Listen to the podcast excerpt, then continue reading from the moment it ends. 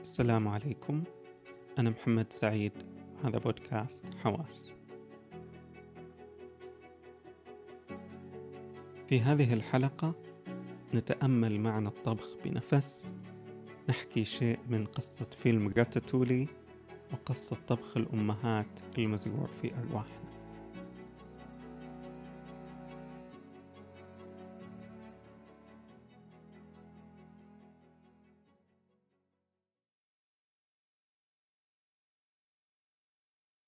ربما أغلبنا شاهد فيلم الأنيميشن راتاتولي اللي صدر عام 2007 والحائز على جائزة الأوسكار. يحكي قصة فأر ريمي يحلم أن يصبح طاهي في أحد المطاعم الباريسية الراقية. تتطور الأحداث ويعقد تحالف مع أحد الفتيان الشباب ليقوده في عملية الطهي. ما بذكر القصة بالتفصيل لكن بركز على شخصية أنطون إيجو ناقد الطعام. في ثقافة تحتفي بصناعة الطعام وتشوفها عمل إبداعي مثل ثقافة باريس اللي حاول الفيلم يصورها يتطور بشكل تلقائي مثلث الإبداع اللي نشوفه في كافة الألوان الإبداعية. مثلث الإبداع هو المبدع المتلقي الناقد. هذا ممكن نشوفه في الأدب في المسرح في غيره من الفنون. في هذا الفيلم المبدع هو الطاهي اللي يطهو الطعام.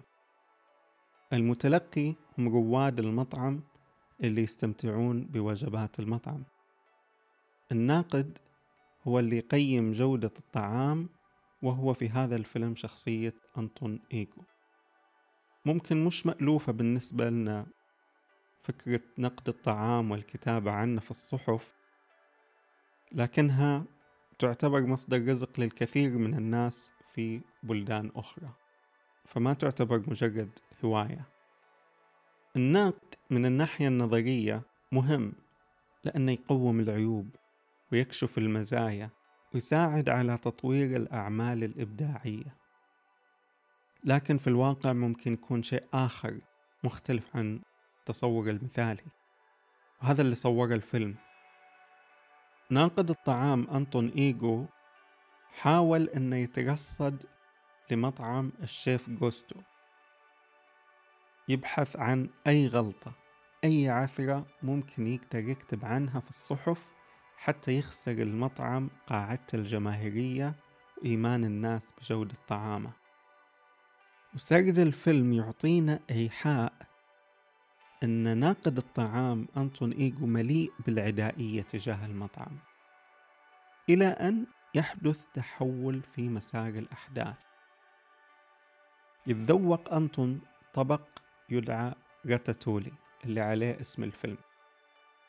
هذا الطبق أعد لينغويني الفتى الشاب مع الفأر ريمي. وفجأة لما يتذوق أنطون هذا الطبق ينتقل خياله إلى الزمن الماضي. يتذكر طفولته الريفية الدافئة لما تذوق طبق الراتاتولي اللي طبخته أمه. يمتلئ قلب أنطون بالسعادة بعد هذه الذكرى وتذوب الكراهية ويحل محلها الألفة والمحبة.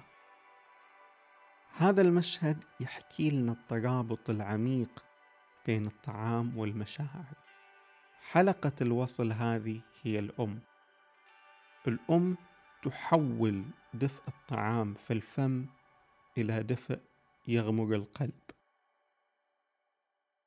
أتذكر لما شاهدت أحد البرامج برامج مسابقات الطبخ ليدعى Final Table يتسابق الطهاة لإعداد الأطباق المطلوبة منهم.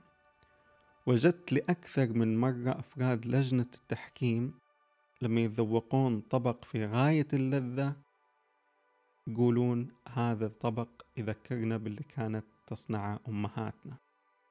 وهذا شيء عجيب لأن مهما تذوقنا ألذ الأطباق في العالم لو تذوقنا كل يوم طبق جديد دائما نرجع إلى طبخ الأم. والأطباق اللي أعدتها الأم هي المعيار اللي نقيس عليه الأطباق اللاحقة ما السر في طبخ الأم؟ إيش اللي يجعله ثابت ما ينسى؟ إذ ذوق الإنسان مع الأم رحمة الحياة ودفء الوجود قبل تذوق الطعام لما تطبخ الأم ما تستهدف فقط إشباع المعدة وحلمات التذوق باللسان تستهدف الروح روح الإنسان. طعامها راح يغذي هذا الكائن ويرعى روحه حتى يكبر ويزدهر. مو غرض الأم المديح أو إعجاب الآخرين هي فقط تركز على الأشخاص اللي تحبهم. لذلك تودع الأم روحها في الطبخ هي تطبخ بنفس.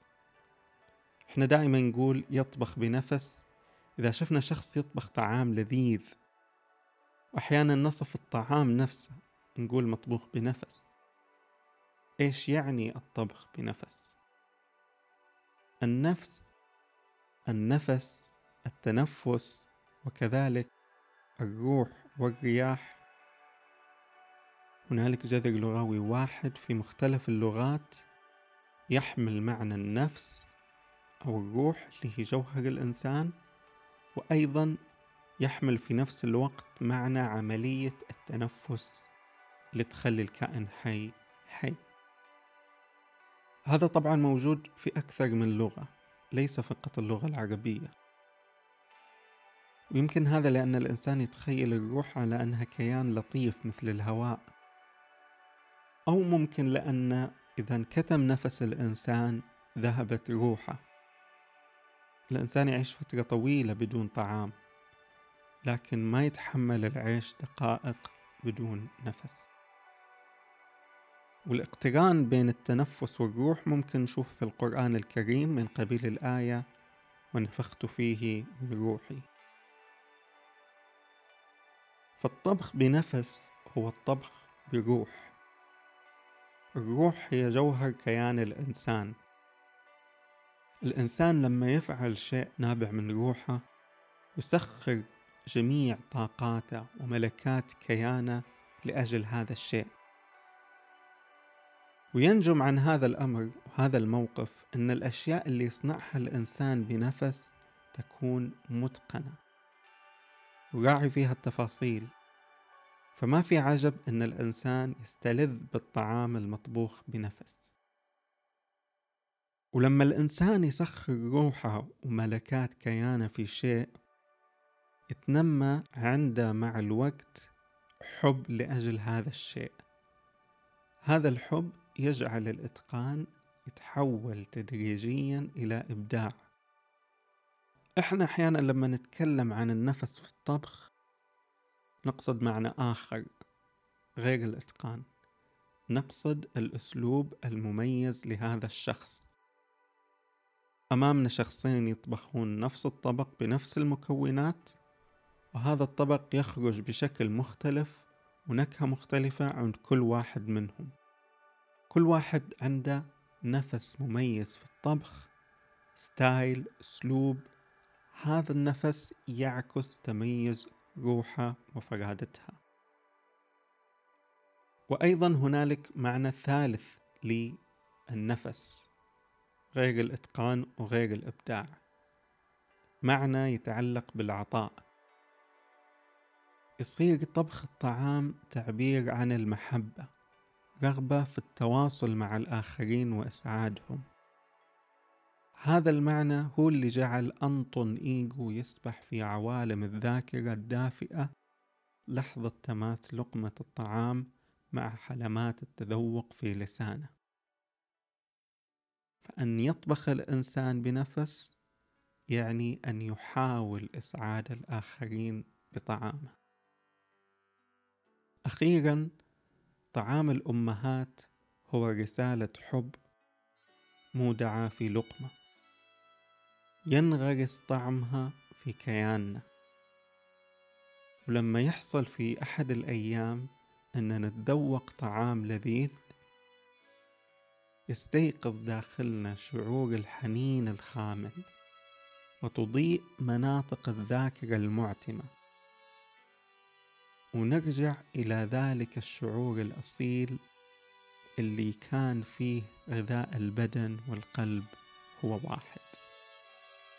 وإلى حلقة أخرى نلقاكم بعد العيد. رمضان كريم ومع السلامة.